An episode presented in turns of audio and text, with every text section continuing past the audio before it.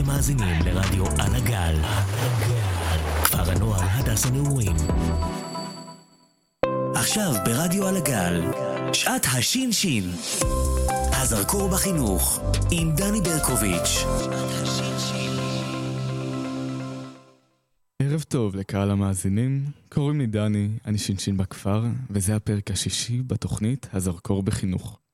מדי תוכנית אני מארח אנשי חינוך שונים בכפר, וביחד אנחנו מדברים ומעלים נושאים שונים בחינוך. ולצידי, בחדר ההקלטות, יושבים תימור קיפורנקו וסטס אנטונוב על הצד הטכני. תודה רבה וערב טוב. והערב מתארחת אצלנו טטיאנה, רכזת שכבת י"ב. טטיאנה, ערב טוב. ערב טוב. מה שלומך? בסדר, תודה. פעם ראשונה שאת מתארחת ברדיו?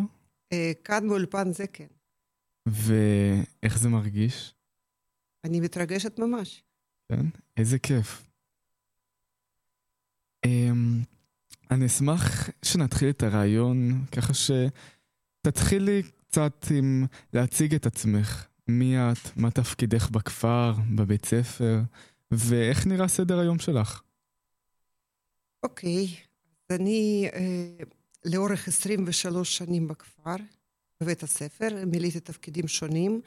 עכשיו בעשר שנים האחרונות אני מרכזת שכבות, והשנה אני מסיימת עם ריכוז שכבה, אבל לא מסיימת בבית הספר, אני ממשיכה. אני גם גרה בכפר שנה רביעית, ואני נהנית מכל רגע, כי הכפר זה הבית, וזה מזכיר לי קצת את האזור ממנו באתי, מאוקראינה, גם לא רחוק מהים השחור. כל החיים שלי, כל, כל הילדות שלי עברה שם, ואז פה כשראיתי את הנוף, אז חשבתי, זהו, זה המקום שלי. וואו. זה כיף לראות שאת מוצאת במקום שאת נמצאת בו עכשיו זיכרונות לבית, לילדות. כמו שאת מספרת על הים, על הסביבה. כן, תמיד חלמתי להיות במקום כזה, וכשהגעתי לישראל, וזה בעצם מקום העבודה הראשון שלי, mm-hmm. במערכת החינוך הדסה נעורים, והיו אפשרויות גם אה, ללמד בנתניה בכל מיני בתי ספר, אבל בחרתי להישאר פה, ואני פה. יפה, וואו. 23 שנה זה הרבה. ומה בעצם הוביל אותך לפני 23 שנים לעסוק בחינוך?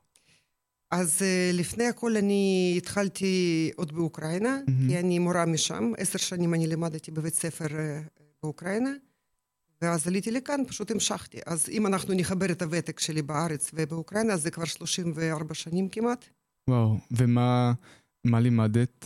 Uh, תמיד הייתי מורה לביולוגיה, ופה אני גם בכל מיני מסלולים של ביולוגיה, מדעי הסביבה, מדעי החיים, חקלאות, וגם ביולוגיה ומדעים. וואו. את תמיד ידעת שאת תרצי לעסוק בהוראה ובחינוך? לא, לא תמיד. כשסיימתי בית ספר, אז מה שהיה אז באופנה, ולפחות מה שההורים רצו, הורים של כולם, שהילד שלהם יהיה או רופא, או מהנדס, או מורה. אז אני בחרתי להיות מורה, אבל גם רציתי מאוד uh, לעסוק ברפואה, ואז אחרי שסיימתי בית ספר תיכון, נרשמתי לבית ספר לסיעוד, וסיימתי אותו שלוש שנים. אז אני גם אחות. אבל uh, עבדתי במקצוע רק שנה והחלטתי שאני ממשיכה ללמוד. נכנסתי לאוניברסיטה וסיימתי חוג לביולוגיה, תואר ראשון ותואר שני, ותעודת הוראה, וככה גם כבר באוקראינה התחלתי לעסוק בהוראה, וכשעליתי ארצה לקח לי שנה בדיוק ללמוד באולפן, וראיתי בעיתון, לימדו אותנו לקרוא בעיתון, mm-hmm. כי אמרו שעולה חדש בשנה שנייה בארץ צריך להבין לקרוא בעיתון, ואז התחלתי לקרוא ממודעות. זה באותיות גדולות. ואז ראיתי שלבית ספר הדסה נעורים מחפשים מורה מחליפה למחשבים. ואני בדיוק סיימתי קורס מחשבים, ואז הגעתי לכאן והתקבלתי. כמורה למחשבים. כן, כמורה למחשבים. היו, אז, היה אז מקצוע יישומי מחשב. וואו. אה, כל מיני תוכניות של אופיס, כי זה היה רק בהתחלה. Mm-hmm. והיה פה חדר מחשבים גדול מאוד. ואז אה, שנה לימדתי מחשבים, ואז אה, איזושהי מורה פרשה לפנסיה, ואני נכנסתי במקומה ל... ללמד ביולוגיה. וואו, זה... בעצם את מתארת שהזיקה שלך להוראה הייתה כל כך חזקה, שלמרות שלמדת צעד ולמרות שלמדת אה, ביולוגיה, אה, היה חשוב להיכנס להוראה, ואז נכנסת למחשבים. ורק לאחר מכן בעצם נכנסת ל... כן, אה, מחשבים זה היה אה, בלית ברירה. כי כשהגעתי לכאן אז אה, לא יכולתי ישר להיכנס לבית הספר. אז אה, כמו כל עולים חדשים הלכתי ללשכת עבודה ואמרו יופי את אקדמאית אז תקבלי קורס מהמדינה. אז. קיבלתי קורס מחשבים וככה רכשתי עוד מקצוע כזה. וואו. את חושבת שהיה איזושהי דמות חינוכית מהעבר שלך שהשפיעה עלייך, על הרצון שלך להיות מורה? אה, זה רק המורות בבית הספר שלימדו אותי. מהמם. הייתה לי מורה למתמטיקה שאני זוכרת אותה עדיין. היא כבר לא בחיים לצערי. גם מורה לכימיה, וגם עבדתי הרבה בתנועות נוער. מה את זוכרת במורה? ומורה שאני זוכרת, כן. אה, שהיא הייתה מאוד אה, אסטרטיבית. היא מהמם. ככה התלבשה תמיד יפה, ככה בצבעים בוהקים, וכל הזמן הסתכלנו עליה ועם פה פעור לא יכולנו לנשום ככה, זה היה כל כך מעניין. את מה שהיא מספרת מהתחום שלה, ואז אה, חשבתי, וואי, גם אני רוצה להיות ככה. וואו. וזה... זה מדהים לראות שמורה שהייתה לך כשהיית תלמידה השפיעה עלייך. ואת חושבת שאת מיישמת את מה שהמורה נגיד אה, השפיעה בך והטמיעה בך? אני חושבת שכן, באיזשהו אה, דרך. אני חושבת שהמורה הוא תמיד שחקן, מהמם. והכיתה זה תמיד במה. אז אה, לפעמים כשהתלמידים מסיימים אצלי כבר אה, כיתה י"ב, אז אומרים, אנחנו ידענו שזה לא באמת שכעסת, שאת רק העמדת פנים, שאת רק שיחקת, כאילו את שחקנית. אמרתי, כן, נכון. אפילו יש סדנאות למורים, כי, כי מורה הוא שחקן וכל הכיתה במה. אז אה, לפעמים זה משחק, ולפעמים זה מציאות, וצריך לשלב בין לבין. מהמם. יפה. ואיך אה, יודעים מה הדבר הנכון לעשות ברגע הנכון? אה, בסיטואציות בכיתה, מהמם. טוב, זה אף פעם לא יודעים באמת מה יהיה, אי אפשר לצפות מראש, אבל אה, למדתי כבר פה בישראל שיש דבר כזה אה, כמו פסיכולוגיה חיובית. מהמם. צריך לקבל כל דבר מהצד, מהפן החיובי, ומכך להמשיך. נגיד ויש סיטואציה לא נעימה בכיתה, ילד מסרב לתפקד, מתחצף, עוד משהו, צריך לחזק אותו מבחינה חיובית, להגיד, אתה הרי יכול, ואתה לא כזה בדיוק, אתה רק מעמיד פנים, אני יודעת שבתוך תוכה יש גרעין טוב, ואנחנו נמשיך עם זה. וואו, החיזוקים החיובים האלה. ואת חושב, רואה שזה עובד נגיד? אה, כן, זה עובד. זה עובד, ולאורך השנים הוכחתי לעצמי שזה עובד. וואו. כל אחד רוצה לשמוע על עצמו משהו. טוב, קודם כל. ברור. אחר כך אפשר גם להעביר ביקורת בונה, אבל קודם כל צריך להגיד, להבליט בבן אדם את, את הטוב שיש בו. זה גישה מאוד חשובה. קודם לשים את הצד החיובי, כי אני חושב שגם שבאיזשהו מקום אולי זה פותח את האוזניים של התלמיד, נגיד, להקשיב אחר כך את מה שאת רוצה, נגיד, להעיר, או לה... להעיר באלף או בעין. אה, זה נכון, כי אם נגיד אני ישר אני אעיר לו, מהמם, זה אומר שהוא יכול להיסגר. מהמם. וזהו, התריס יורד וכבר אי אפשר לעשות משהו. אבל אם ללכת בדרך חיובית, ולא משנה מה, למצוא, נגיד, סתם להגיד, וואי, יש לך כתב יד מאוד יפה. איפה למדת לכתוב, לכתוב ככה? מהמם. להחמיא עוד משהו, או על תכונה מסוימת. אז זה כבר מקרב, וזה כבר נותן אה, אפשרויות להמשך השיחה. מדהים. אני רוצה שנחזור רגע לתפקיד שלך כרכזת שכבת י"ב. אמ, ורציתי לשאול האם את חושבת שחלק מהמשמעות של להיות מרכז של שכבה זה גם לחנך בשכבה? אני תמיד מחנכת, אנחנו מהמם. בית ספר קטן, ותמיד כל מי שמרכז שכבה הוא גם מחנך. אה, אני לא רק רכזת של י"ב, הרי י"ב זה עכשיו, אבל זה מתחיל בט' בדרך כלל. זה מהמם. לאורך שלוש או אפילו ארבע שנים, זה אותה שכבה שאני ממשיכה איתה, ואחת הכיתות בשכבה זו, כיתות, אה, זו כיתת החינוך שלי. ברור שחשוב להיות גם אה, מחנך, כי קודם כל אני תמיד נמצאת בשכבה. מהמם. בכל האירועים, וגם לפעמים גם אחרי צהריים, אז uh, אני כבר מחנכת. אני גם לא מגבילה את עצמי אה, כיתה ספציפית אחת בשכבה, כי נגיד אם המחנכת השנייה או שלישית שיש לי אה, חולה או בחופש, ביום חופשי אז אני מחליפה. אז ככה שיש לי כיתה מאוד גדולה, זה בעצם כל הכיתות בשכבה. את פוגשת בעצם מנעד רחב מאוד של חניכים. כן. זה מקסים. אמ, נעבור לשלב הקבוע של התוכנית שלנו. בעצם אה, הכנתי כרטיסיות שבעזרתן אנחנו אה, מתדיינים בכל מיני סוגיות אה, שונות בחינוך. ואני עכשיו אקריא לך את הכותרות של הכרטיסיות, ואני אשמח אם תבחרי את שני הכרטיסיות שהכי בוערות והכי אה, נוגעות לך כשאת שומעת את המילה חינוך. אז כישרון, אמפתיה, חלום, יצירתיות, חוסן, מסע ואמון. איזה כרטיסיות הכי מעניינות אותך, הכי...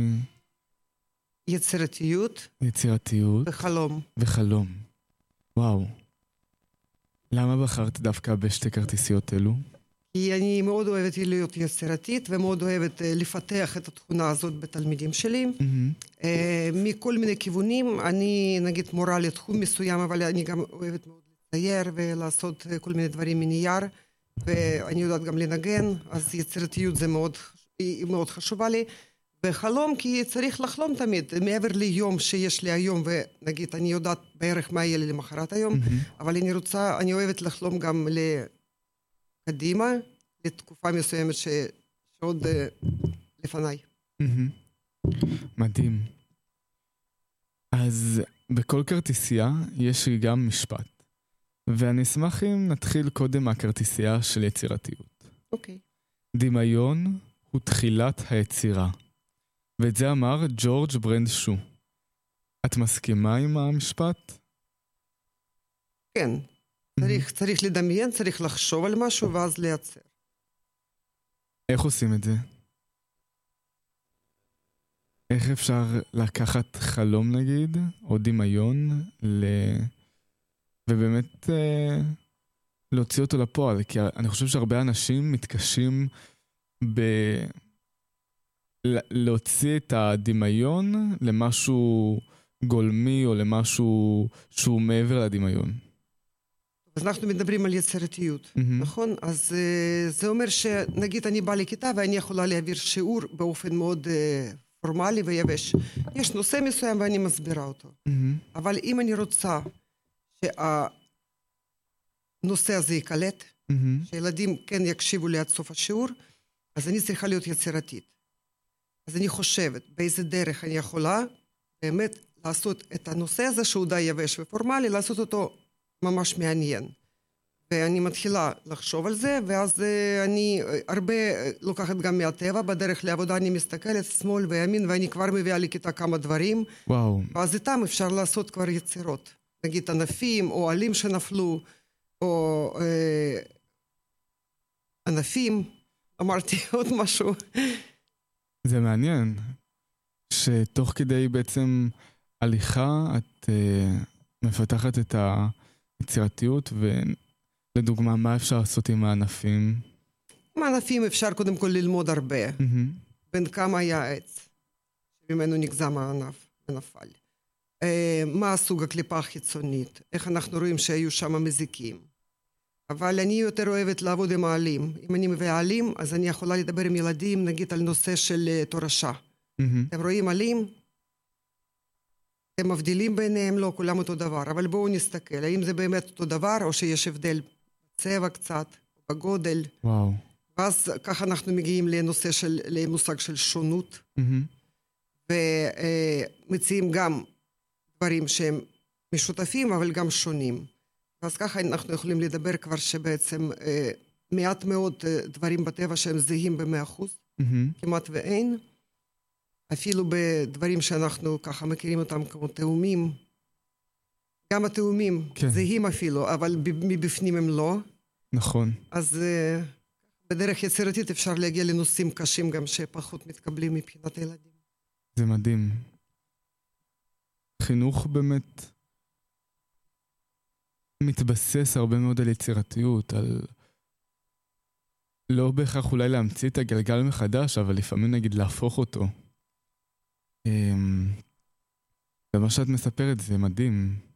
אני גם לא אוהבת את הנושא, את ההגדרה של להמציא גלגל מחדש, mm-hmm. כאילו אין חדש תחת השמש, נכון? כן. אבל אני מתחברת מאוד אה, לקונספקט שאפשר מכל דבר שהוא ישן mm-hmm. ונדוש אולי וממש לא חדש, אבל אפשר לעשות איתו עוד משהו. Mm-hmm. זה גם מתחבר לתכונה אישית שלי, אני מאוד לא אוהבת לזרוק דברים לפסולת. אוקיי. Okay. אני מכל דבר, אני חושבת כמה פעמים איך אני עוד יכולה להשתמש בו כדי להרחיק אותו מהרגע שהוא מגיע לפסולת. וואו. כי באמת חבל, גם על משאבים, mm-hmm. גם על שטח של כדור הארץ שאנחנו זורקים, משליכים לשם דברים בכמויות ואז לא יודעים איך להתפטר מזה, וגם מבחינה כלכלית. ואיך את מעבירה את זה נגיד לחניכים ולתלמידים? קודם כל, אה, בכל הכיתות שאני מחנכת יש כלל, אני לא רוצה לראות אוכל זרוק. Mm-hmm. אוכל תיקחו כמה שאתם מסוגלים לאכול, אל תיקחו יותר מדי. אה, נייר, גם מחברת. כותבים משהו, במיוחד בנות, משהו לא בא להם בעין בכותרת, שומטים את הדף, מקמטים אותו, זורקים. למה? תראו כמה עוד היה אפשר ללמוד, כמה שטח יש משני הצדדים. ואז אני מתחילה לספר להם מה זה נייר. Mm-hmm. תעשיית נייר היא גם מאוד יקרה, כי בעצם לוקחים רק ליבת העץ, והשאר זורקים. ואז אנחנו בבעיה, כי כורתים יערות ובעצם משתמשים רק בחוט קטן אחד מכל עץ. והעץ הלך, ועץ זה בית גידול, זה חמצן, כן. זה הרבה דברים. וואו. זה הסתכלות מאוד עמוקה. והלוואי. זה נקרא ש... אקולוגיה עמוקה. Mm-hmm. לחשוב לעומק, לפני שאנחנו מבזבזים בלי סוף וזורקים בעצם כמעט ובלי שימוש, אז צריך לחשוב לעומק. אה, בשביל מה? למה זורקים? כן. זה עניין של צרכנות. גם יש uh, את העניין של הגלובליזציה ואת תרבות הצריכה. זה שמאוד, רק מזיק. כן, שמאוד מעודדת את התחלופה היומית, שבועית של בגדים. נכון, אבל עכשיו אני רואה שגם בישראל, נגיד בחקלאות, יש קצת אה, נטייה לחזור ל... משיטה אינטנסיבית לשיטה יותר מקומית, mm-hmm. קודם כל לעודד את הייצור מקומי, mm-hmm. דבר שני זה עדיף מאשר להביא מחו"ל, כי זה דלק וכסף וקירור וכל זה, כן. וגם לחזור למשקים יותר קטנים שמייצרים פחות, אבל יש גם פחות זבל. ואיכות יותר גבוהה, אני כן, מניח. כן, באיכות יותר גבוהה, כי יש שליטה על מזיקים. Mm-hmm. זה משק קטן יותר. וואו, מדהים. הלוואי ש... עוד אנשים יראו את העולם ככה, ובאמת יעשו אולי אפילו איזה שינוי קטן בעצמם. יש לי פה כמה שותפים בכפר. מדהים. מדהים. זה, שמח, אני שמח לשמוע שאת לא לבד בזה. השאלה השנייה של הכרטיס, של הקלף, מה עוזר לך להתגבר על מחסום יצירתי? אף פעם לא חשתי שיש מחסום. Mm-hmm. יש כל כך הרבה דברים מסביב, צריך רק לפתוח עיניים ולהסתכל, mm-hmm. אז אפשר להגיע ליצירתיות בקנה מידה גדול או קטן, אבל uh, לא חסרים משאבים, תמיד יש. וואו. זה מדהים. זה... לא חשבתי על זה ככה. על הכרטיסייה השנייה של... נעבור לחלומות? כן, חלום. אז בכרטיסייה של חלום כתוב, אם אתם יכולים לחלום את זה, אתם יכולים לעשות את זה. ואת זה אמר וולט דיסני. את מסכימה עם זה?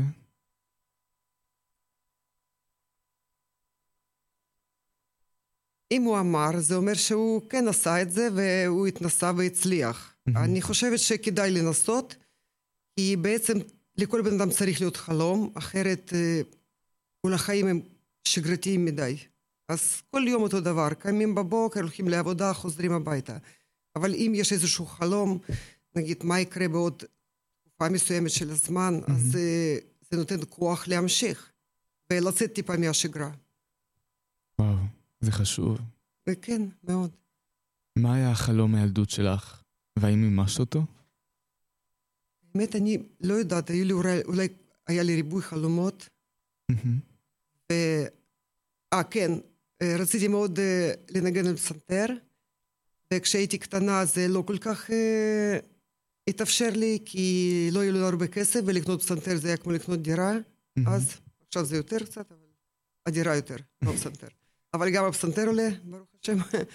ואז כשכבר סיימתי בית ספר תיכון והתקבלתי לאוניברסיטה לתואר ראשון, התחלתי לעבוד קצת. ובאוניברסיטה היו כמה פסנתרים והיה אפשר להשתמש, לסטודנטים. אז באתי בערב כל הזמן, ביקשתי מפתח מאודיטוריום, ואז נתנו לי, ובערב באתי ונרשמתי שוב לבית ספר לפסנתר, והיה לי איפה לעשות שיעורי בית, וככה למדתי, סיימתי חמש. וואו. זאת אומרת, הלימודים כן עלו לי קצת כסף, אבל פסנתר לא, וזה כן. מה שהיה צריך, מה שהיה חסר. את לא ויתרת על החלום. את בעצם החזקת אותו בבטן עם החלום, עד שבעצם יכלת להגשים אותו. אפשר להגיד. ואז כשעליתי ארצה, כאילו לא הייתה לי אפשרות, כי גם הייתי עסוקה וטרודה ולמצוא את עצמי פה ולהיכנס לעבודה מסודרת, וככה חלפו איזה עשרים שנה שלא נגעתי בכלל בפסנתר, ולא מזמן קיבלנו תרומה לספרייה, פסנתר. Mm-hmm. ואז בחופשת פסח הייתי שם, סידרתי קצת ספרים, והיו שני אחיינים קטנים שלי איתי, אז אמרתי, יאללה, בואו ננגן טיפה. ואז לימדתי אחד מהם וניגענו בארבע ידיים. וככה הופתעתי לגלות ש... שהידיים זוכרות. יש זיכרון גם בידיים. כן. כשהחלום היה גדול, אז גם הידיים זוכרות, ו... זה בטח היה רגע גדול בשבילך. אה, כן, זה היה נעים. והקלטנו את זה גם, ושלחנו לכל מיני קרובי משפחה. וואו. והם יודעים את הסיפור? אה, כן, מי שעוד נשאר בחיים, אין הרבה, אבל מי שכן, אז אה, כן. מדהים. איזה חלומות יש לך לעתיד? יש לי חלום. אני רוצה, כשאני אסיים את הקריירה שלי בבית הספר, יש לי עוד עשר שנים, לא לדאוג בבקשה. אז אחרי זה יכול להיות שאני, שאני אלך אה, ללמוד איזה תחום חדש, או שפה חדשה, אני רוצה להמשיך בלימודים. יש לי תואר שני, mm-hmm. אבל אני רוצה להמשיך לא לתואר שלישי או משהו, אבל לקחת עוד תחום וללמוד mm-hmm. אותו. ולא רוצה לעשות את זה בהשתלמויות ובין לבין. אה, אני רוצה לעבוד, ואז ללמוד כשאני אהיה פנויה לזה. וואו, בעצם החינוך הוא... תופס חלק מאוד גדול מהחיים שלך, שכאילו, את לא רוצה גם רק ללמד, אלא את גם רוצה עוד ללמוד ולהמשיך. כן, בגדול אני אה, בן אדם ש... שאוהב להתרכז באיזה משהו שאני עושה כדי לבצע אותו לצד הטוב ביותר, mm-hmm. ולא להתפצל בין המשימות, כי אה, מניסיוני למדתי, לא יוצא מזה משהו. איזו תלמידה היית? הייתי מצוינת. כן. גם, גם באוניברסיטה. פה בישראל סיימתי תואר שני בהצטיינות יתרה. וואו. כן, אה, והתאכזבתי מזה, כי אה, לא קיבלתי את המקום הראשון, סיימתי ממוצע רק 97, והיו עוד חמישה לפניי, מעליי כאילו. וואו. זאת הייתה קבוצה, כן, אבל אה, מכיוון שהשפה הייתה קצת קשה לי, והגעתי ל-97, אז הרגעתי את עצמי, אחר כך אמרתי, יופי, תרגי, זה הישג. זה הישג גדול. כן, ואז יש לי תעודה, כתוב שם הצטיינות יתרה. כל הכבוד. הרגעתי. כל הכבוד. עם השנים ככה אני מנמיכה טיפה דרישות. מעצמך? כן. מהתלמידים? לא, מעצמי. פעם הייתי מתאכזבת שזה לא 100, עכשיו 97 זה בסדר. ומה הדרישות שלך נגיד מהתלמידים שאת מלמדת? אה, הציון לא כל כך מעניין אותי. Mm-hmm. אני רוצה לראות שהם כן מבינים, mm-hmm. כי בעצם הציון הוא יכול להיות גם אקראי. נגיד בבחינת בגרות, בוחן שלא מכיר אותם, בודק את זה, מעריך באיזשהו מקום, אני גם מעריכה בחינות בגרות. אה, ואי אפשר לכמת בן אדם. Mm-hmm. כי אם אנחנו בודקים רק מחברת שלו ואנחנו רוצים לתת לו ציון, אנחנו לא יודעים מי בן אדם, מי כתב את זה, למה היום הוא לא היה במיטבו כדי לכתוב את זה. אז אני חושבת שבעצם הערכה מילולית היא יותר חשובה mm-hmm. מאשר ציון כמותי. כן. ולדרוש, אפשר לדרוש מתלמידים, לא תמיד זה מצליח, כי בעצם הכל משתנה עכשיו בעולם. Mm-hmm. עכשיו, אה, באמת, אה, הכי חשוב זה מיומנויות, ידע, אבל גם ערכים. מהמם.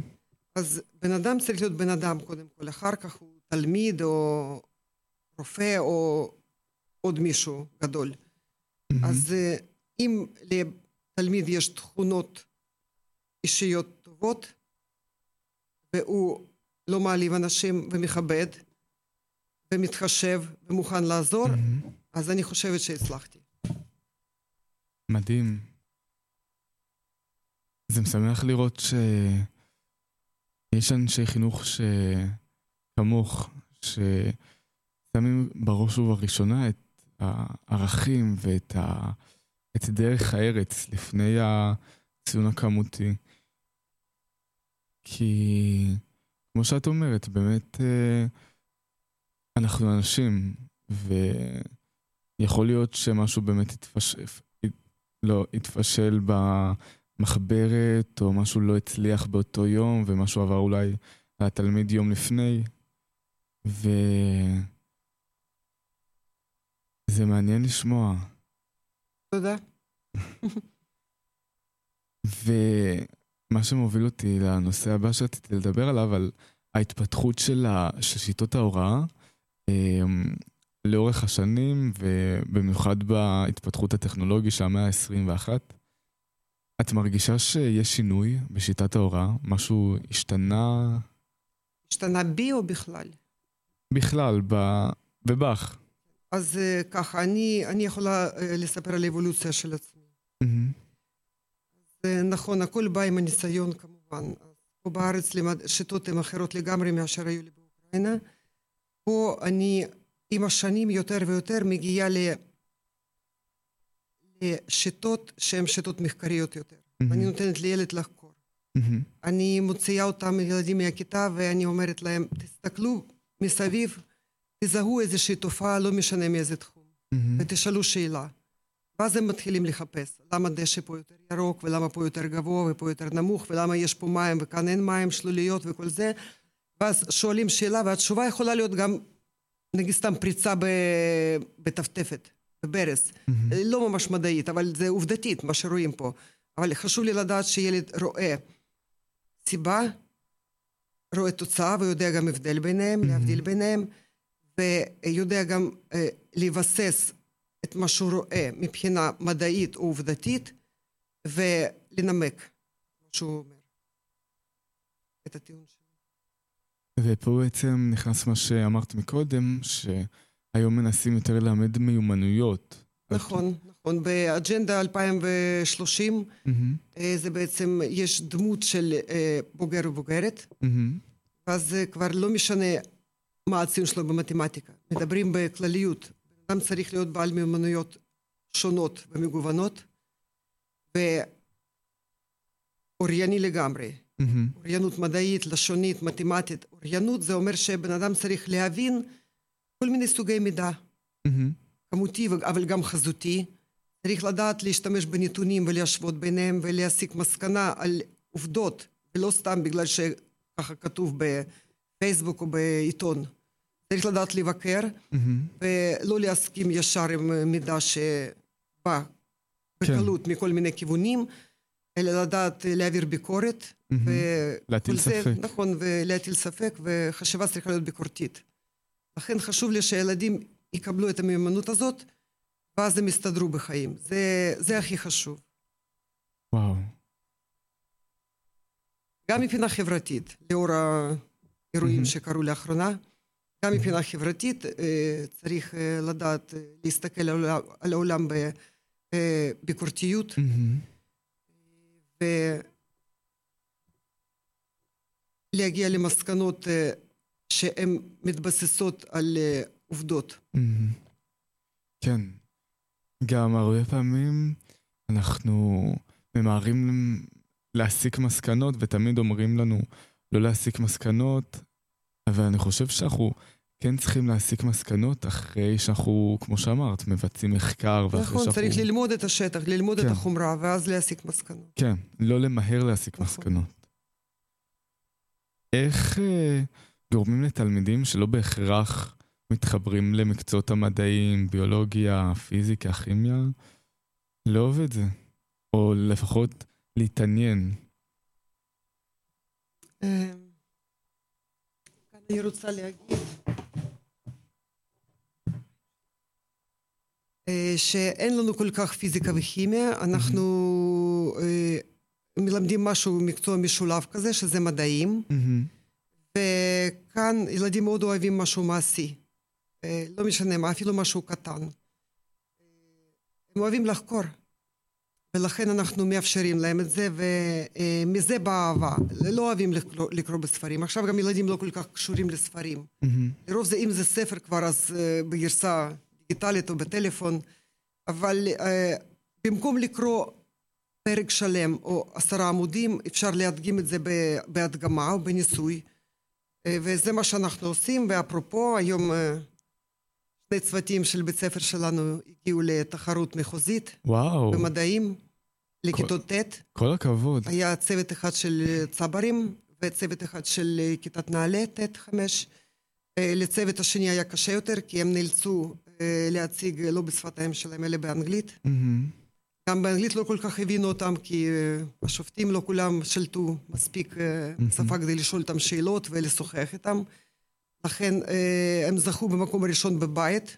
יפה. בין שישה בתי ספר, אבל בין 25 בתי ספר הם כבר לא הגיעו אה, לזוכים. אבל הצוות השני של תלמידים צברים כן זכה במקום ראשון גם בתוך הבית וגם בכללי. אז יש לנו זכייה, ואני גאה בזה מאוד. אה, עכשיו אנחנו נתכונן החל ממחר לתחרות ארצית. מתי? תחרות ארצית היא בעוד שבועיים, נדמה לי, וואו. אני עוד לא פתחתי את המסמך אפילו, כי היום זה רק הסתיים, השלב המחוזי. ועל מה הייתה התחרות? היו שם כמה שלבים. היה שלב של אה, טכנו... מציאת פתרונות טכנולוגיים, mm-hmm. והיה שלב של מדעי, אנחנו היינו במדעי. אה, לא בנינו מודל או משהו, אבל ביצענו ניסוי אה, באונליין, mm-hmm. זום.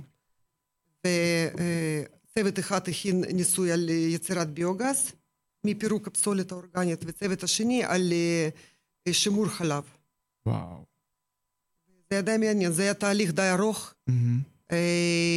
מחודש פברואר אנחנו היינו עסוקים בזה. עשינו ניסוי, ואז זה לא הצליח, ועשינו עוד פעם ועוד פעם, ועד שזה הצליח, והיום הייתה התחרות. את חושבת שהחוסר הצלחה שהחניכים חוו, שהייתם צריכים לעשות שוב פעם ושוב פעם, זה גרם להם לתסכול או שדרבן אותם?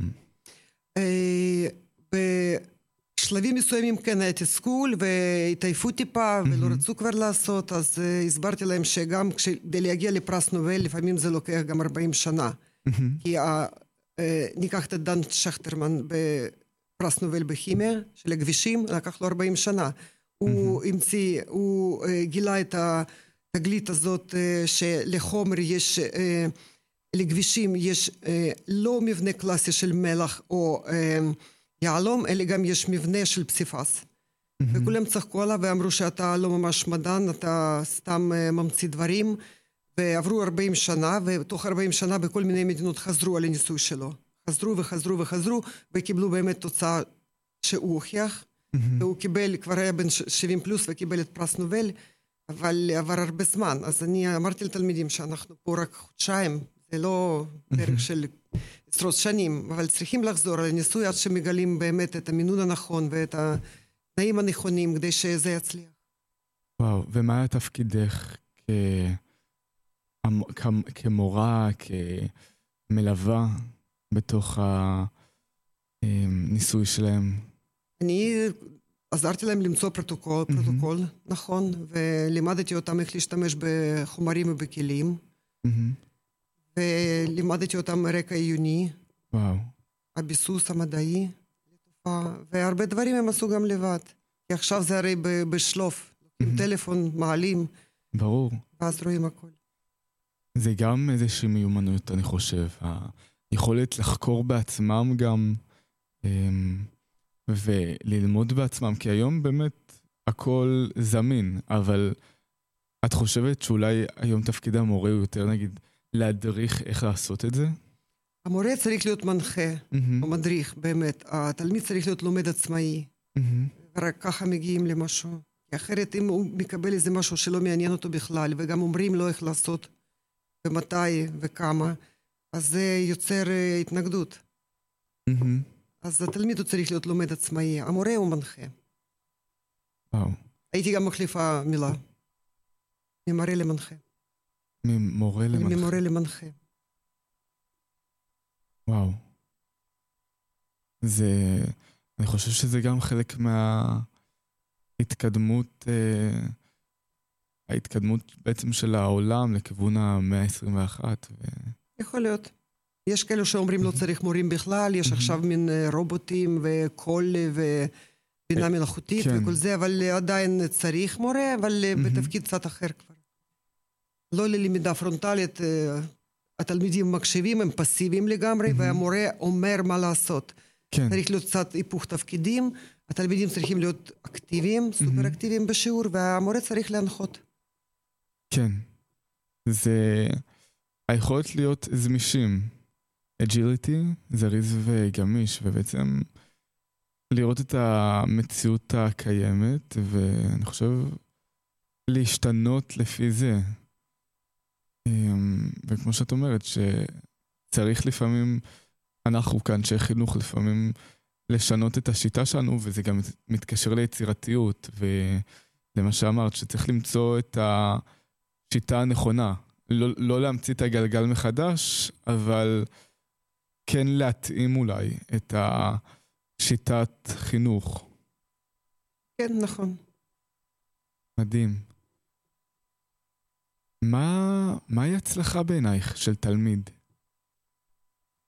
איך את יודעת שתלמיד נגיד מצליח? בתחום מסוים, בתחום ידע מסוים, או בכלל? בכלל אני חושב. בכלל אני אמרתי בתחילת השיחה בינינו, אם הוא אה, רכש ערכים, יודע לתת כבוד, מהמם. מתייחס בכבוד לאנשים, גם לטבע, לסביבה, אז אה, זו הצלחה. מדהים. מה היו המטרות שאיתה נכנסת לשנה? לשנה הספציפית הזאת, מה היו המטרות אמ, שהצבת? טוב, המטרות היו די ברורות אה, בשבילי בעיניי, כי אני נכנסתי לשנה של י"ב, מהמם. אז אה, לסיים בגרויות, וכל מיני עניינים של צבא, ואוריינטציה לעתיד. שיחות, המון שיחות אישיות. בפסח עשיתי שיחות עם כל התלמידים, יחד עם המשפחות בזום. אה, בנפרד, פרטני. נגיד, אמא ילד ואני, או אמא אבא ילד ואני. ילד, נער, נערה. מהמם. והיו הרבה שאלות, כי כולם קצת מפוחדים, גם ההורים וגם התלמידים, מזה שאו-טו-טו זה ייגמר, ואז מה לעשות? מהמם. מה לעשות יום אחרי? וככה ניסיתי לעודד אותם ולהגיד שקודם כל אנחנו פה, הכפר נשאר פה, אנחנו נמשיך להיות בקשר איתם עוד מספר שנים, אפילו כמה שהם ירצו. כי אני רואה פה שיש בוגרים שכבר סיימו לפני כ-20 שנה ועדיין שומרים על הקשר עם הכפר. וואו. חוץ מזה הכפר גם עוזר, אמרתי להם, מי שירצה ללמוד, הוא יכול להגיש מועמדות, לקבל מלגה מהכפר. ובכלל להגיע לכאן, להתייעץ וואו. בכל מיני נושאים. הקשר עם, בוג... עם הבוגרים הוא, אני חושב, כל כך חשוב. היכולת להרגיש שייך לאנשהו היא כל כך חמה, אני חושב, וכל כך עוטפת. אנחנו כל הזמן במעגלי השתייכות, מהמם. כל החיים. כן, אנחנו נולדים לתוך המשפחה, אחר כך גן, שייכים לגן, כן. בית ספר, יסודי, חטיבה, תיכון, צבא, לימודים, עבודה, משפחה חדשה. מהמם. אה, זה כל הזמן יש אה, השתייכות, שייכות לקבוצה חברתית כזאת או אחרת. כן. ולכן זה קשה לבן אדם, כי בן אדם הוא, סליחה על הביטוי, במרכאות חיה סוציאלית. אז uh, יש לנו משהו מן הטבע, אבל אנחנו התקדמנו ואנחנו כל הזמן מחפשים מעגל סוציאלי, מעגל, כן, מעגל חברתי. לכן השייכות היא חשובה. כן. להבדיל מבעלי חיים, ששם בתקופות מסוימות של החיים משתלם להם להיות ביחד, ובתקופות מסוימות לא. Mm-hmm. יש כאלו שבכלל אה, חיים כן. בבדידות, וזה גם יתרון הישרדותי. Mm-hmm. אבל אה, לבן אדם אה, צריך מעגל. ואני חושב שבכפר החניכים, התלמידים, מוקפים בהרבה מאוד ש... מעגלי שייכות. כן, יש קבוצה, יש כיתה, יש שכבה. כן. יש בית ספר, יש אה, חוג או פעילות או כן. קבוצת איכות. כן. אז יש הרבה קבוצות. זה חשוב, זה, זה חשוב גם התחושה הזאת, המשפחתיות. מאוד. איך ניגשים לשיחה, נגיד, עם הורה ותלמיד אמ, שלא בהכרח יודעים לאן העתיד צופה להם? טוב, קודם כל אני אה, לא לבד פה, יש לנו גם אה, ייעוץ חינוכי, אה, יש גם אה, עובדות סוציאליות, אנחנו כמובן גם אה, מתעדכנים אחד מהשני.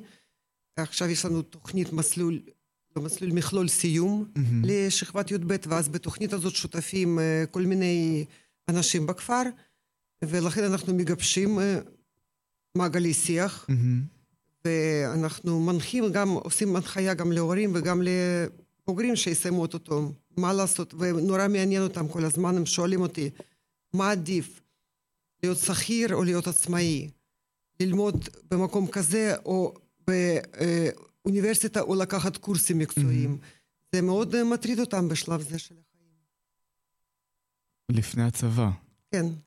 לפני הצבא, נכון. יש להם עוד צבא או מכינה כן. או עוד משהו, אבל הם uh, חושבים גם קצת uh, מה הם יהיו. כי צבא זה גם סוג של מסגרת. כן. די עוטפת ומחזיקה. נכון. אבל אחרי זה זה כל אחד כבר... Uh... כן.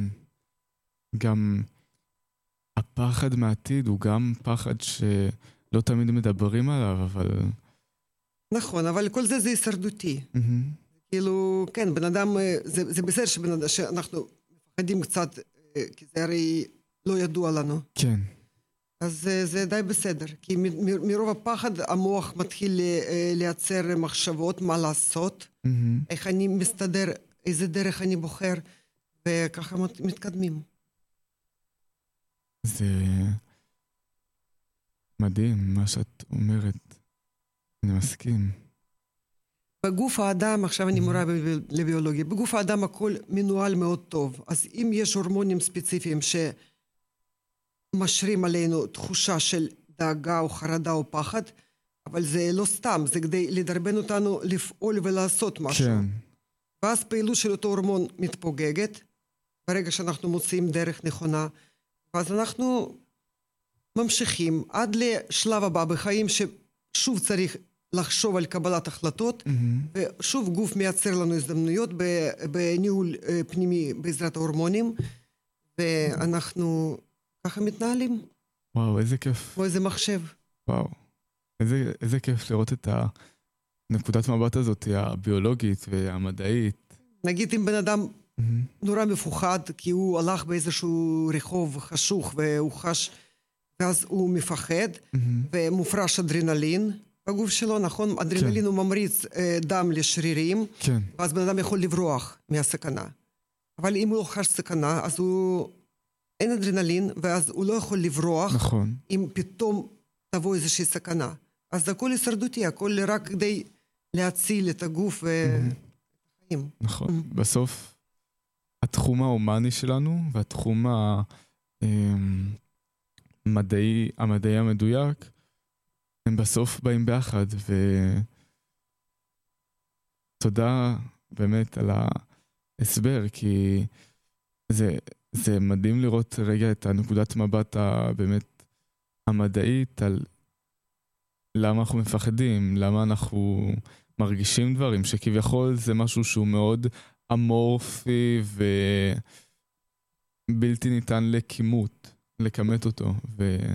לראות את זה ככה עכשיו, אחרי שאת מסבירה שזה באמת השפעה של הורמונים, זה מהמם.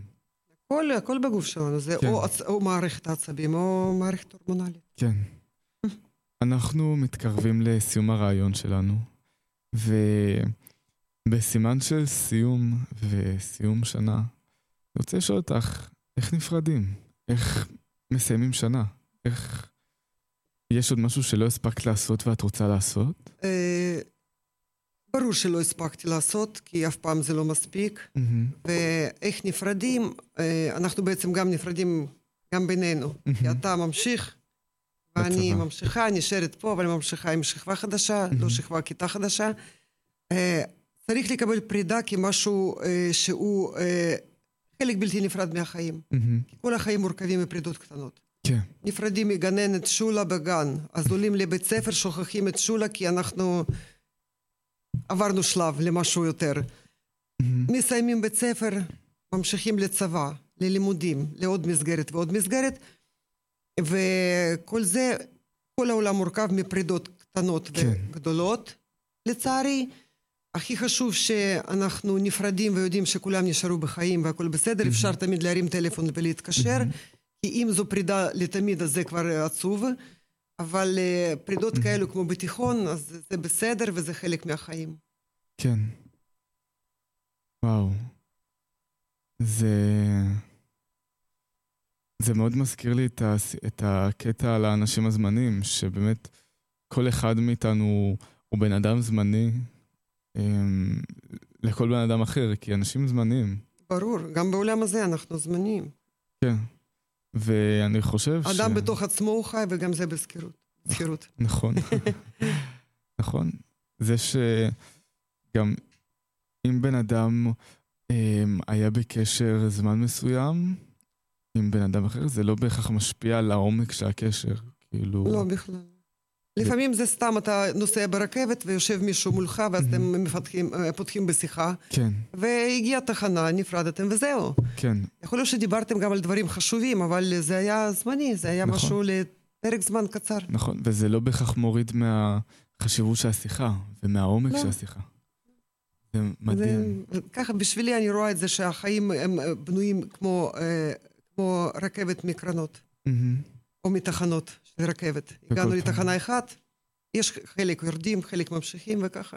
נפרדים. מתגלגלים, מת, נפרדים וממשיכים הלאה. וואו. טטיאנה, החכמתי הרבה, החכמתי המון בשיחה שלנו. ניכר העומק שלך, הניסיון הרב שצברת לאורך ה-32 שנה פה והעשר שנים אה,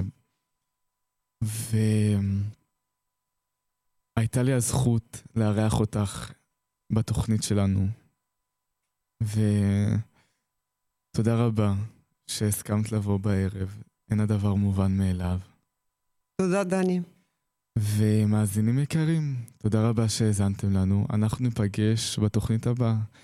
תודה רבה ולילה טוב. אתם מאזינים לרדיו על הגל. הרדיו של כפר הנוער הדס הנעורים.